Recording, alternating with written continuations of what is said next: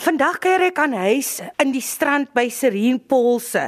Serene het 'n baie hartroerende, maar ook hartverwarmende storie. Ek is vandag hier by haar sodat sy iemand anders kan inspireer. Serene, vertel vir ons luisteraars wat met jou gebeur het in 2019. Hallo Heidi, dankie luisteraars um, vir die inskakel. Ek 2019 het ek begin pins and needles ervaar na 'n rugpyn. Ehm um, die rugpyn het weggegaan met 'n inspuiting by die GP en 'n um, paar dae daarna toe begin ek uh, pins and needles kry in my regte been. Ehm um, so as ek uit 'n sittende posisie opgestaan het om te loop, dan het my been styf geskop en ek kon nie verder loop voordat die pins and needles nie verdwyn het nie. Ehm um, en ek is dokter in en uit. Ehm um, ek het gegaan vir fisio, vir bloed vir ekstrale en uh, niemand kon vasstel wat is fout nie, wat is die rede vir die pins and needles nie. En ehm um, ek moes toe nou maar eers terugstaan toe COVID begin en toe het die navorsing na wat fout is, ehm um, het toe nou gestop as gevolg van COVID. September 2020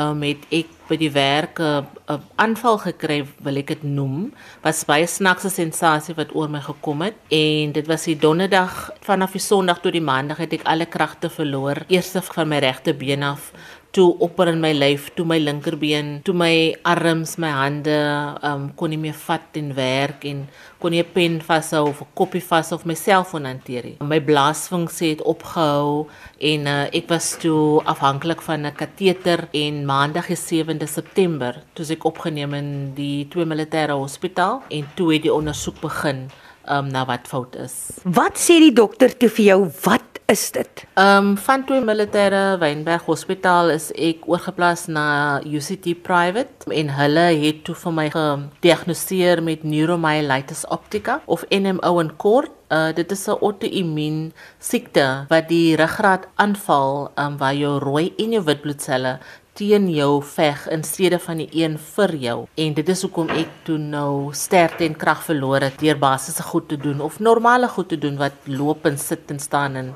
en so aan is. En um, ek is toe drie tipe behandelings toegedien. Een van die behandelings was plasma transfer waar ons die wit en die rooi bloedselle onttrek het En um, ek wil amper sê hulle was bietjie gebrainwash, so hulle was bietjie wreggewas en ehm um, dit was so teruggesit, um, alles um, in die hospitaal en ICU en dan 'n tweede um, treatment wat ek gekry het wat rituximab.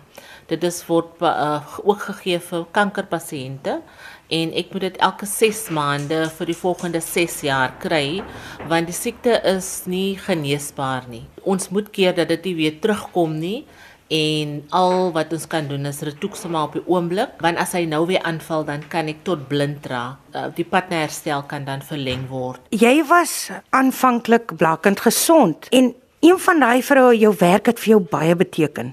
Jy werk steeds. Verduidelik hoe hierdie siekte het dit het dit half met jou kop met jou kop gespeel en vir jou gesê Jessie ek kan nie glo hoekom ek? Kyk jy's 'n diep gelowige mens nê ek het my hele lewe self geran Ek het my huis geran, ek het my werk het ek um gedoen en ek het ook deeltydse studies um wat ek besig mee was.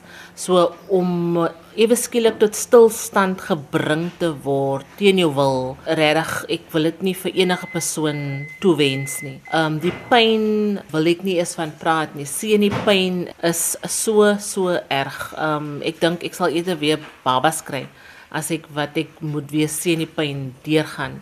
So my hele lewe het ek alles self vir my gedoen. Ek was in minute reg en um, onmiddellik was ek afhanklik van almal. Ek moes toe onmiddellik oorgee dat iemand anders vir my help om my lewe te lei. So dit was baie traumaties.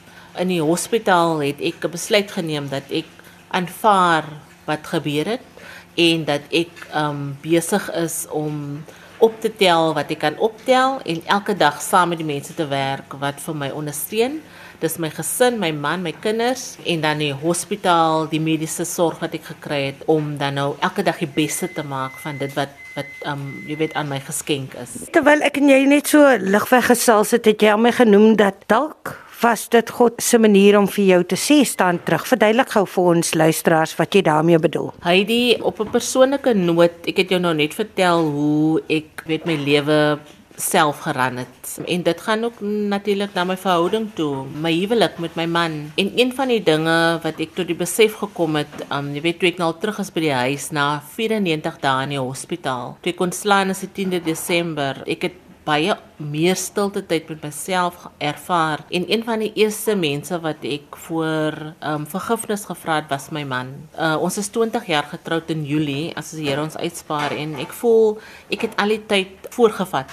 Moontlik vir hom nie 'n kans gegee om self um voor te vat nie om besluite te neem namens die familie om ons kinders se groot maak met finansiële besluite met vooruitgang. Ek het vir hom uh, eh, vergifnis gevra en vir hom gesê ek is jammer dat ek sy plig half uit sy hande uitgeneem het en dat ek vertrou dat met die siekte wat ek tot stilstand gebring is dat hy um as die huis se hoof sy pligte moet volstaan en dat ek sal terugstaan en eerbiedig wees soos wat dit in die Bybel staan. Ek wil hê jy moet verduidelik wat jy nou kan doen. Wat kon jy nie voorheen doen nie? Wat kan jy nou doen? En dan is daar 'n verskriklike interessante proses wat jy moes volg met die fisio behandeling. Ja. Verduidelik vir ons dit. Toe ek in die hospitaal opgeneem het, het ek natuurlik geen beheer gehad oor my hande, my vingers, my voete, my bene um my bowels, jy weet my um my my my blaas en so aan. Ek het geen beheer daaroor gehad nie. Al wat ek kon doen was my kop beweeg.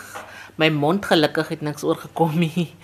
Um my sense of humor het ek ook. So um ek kon net my kop beweeg en praat. Um ek het nie geweet waar my hande in die atmosfeer is nie of dit links reg in die lug is of onder op die grond is nie. Um ek het ek kon nie voel my onderlyf nie, kon nie my bene voel, ek kon nie voel wanneer hulle daarmee werk nie. Ek het fisio begin uh, net na ek my behandeling gekry het by UCT, um het ons onmiddellik begin met fisio en occupational therapy. Hulle het vir my uit die bed uit opgelig en ek is glad nie 'n klein vroutjie nie en in 'n gemakstoel gesit en daar het my fisio begin. Ek het begin leer eet met 'n mes en 'n vurk. Ek het weer 'n paplepel vasgehou. Ek het begin om my hare te kam. Ek het my eie tande begin borsel. Die gesigrom in my gesig gesit. Ek het kon nog nie my aantrek daai dit nie, maar dit is wat ek kon doen met my hande. Soos my fisio aangegaan het, kan ek nou my been, linkerbeen, kan ek nou rok van links na regs as ek sit. So ek kan pa baba in slaap maak. Ek kan ehm um, my voet beweeg op en af en uh, my linkervoet. My hande weet ek nou presies wat dit is. Ehm um, vandat ek terug is by die huis, ehm um, het ek nou 'n semester verloor van my studies. Uh ek is besig met my BCom graad en ehm um, Januarie maand toe vat ek weer my studies op. Ek het al my vakke geslag. Ek het al my assignments ingehandig en vir my jaar het ek 5 distinctions gekry. So ehm um, ek het myself geforseer. My hande het natuurlik vir my vertel hoe seer hulle is in die aand, maar ek het geweet dit was alles die moeite werd. Mm. My arms was seer, my skouers was seer, my vingers was seer, my naels was seer. Maar as ek vandag terugkyk, as ek een keer spyt nie, want as ek dit daai pyn moes gegaan het, nie, sal ek nie nou vir iemand kan gesê het as jy dit nie self ervaar nie, dan kan jy dit daarvan praat nie. Iemand het my gesê die Here gebruik sy sterkste soldate deur die moeilikste challenges en ek weet nie of ek een van sy sterkstes is nie, maar um die challenge hoop ek om iemand te bemoedig, om iemand te aan te raai om aanhou in jou tog na sukses, wat dit ook al is waarmee jy besig is, wat dit ook al is waarmee jy struikel om nooit moed op te gee nie. Ek is 'n vrou wat nie kan loop vandag nie. Maar ek het as gevolg van my siekte het ek nog steeds nie ehm um, laat dit my oorkom nie. Dat dit wen nie. Ehm um, ek is nog ek is nog lankie klaar met dit waarmee ek besig is nie. Ek kry nog steeds fisioterapie en wat vir my die mooiste ding is, my fisio, ek lê byvoorbeeld op my sy en dan my linkerbeen is reguit, my regterbeen is gevou as jy nou die prentjie kan sien. En dan moet ek probeer om my boonste been wat gevou is um te skop asof ek 'n bal skop. So dan hou die fisio haar hand by my bobout en by my kuit en alhoewel my voet nie beweeg nie, alhoewel my been nie beweeg nie, kan sy voel die aktivering van die spier um, om dit te doen en sy hou nooit op om vir my te prys nie of my voet beweeg het of nie. Just relax it down to the side. Mm -hmm.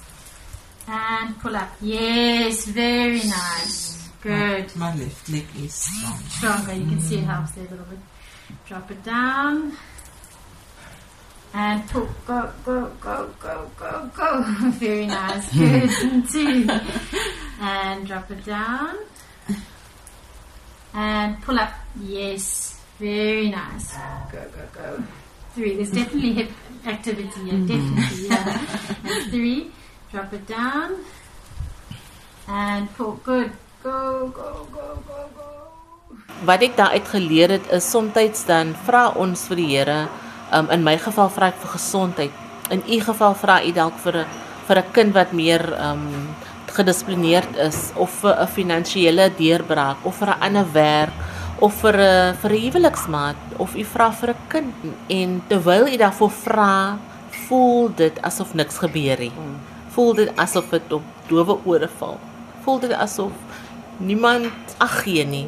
Maar ek wil vir die vir die luisteraar daar buite sê dat as my fisio vir my so kan motiveer met 'n been wat nie eens beweeg nie, hoe nog te meer motiveer God vir ons om nooit op te hou bid en te vra presies wat dit is wat ons wil hê nie. God se tyd is die perfekte tyd.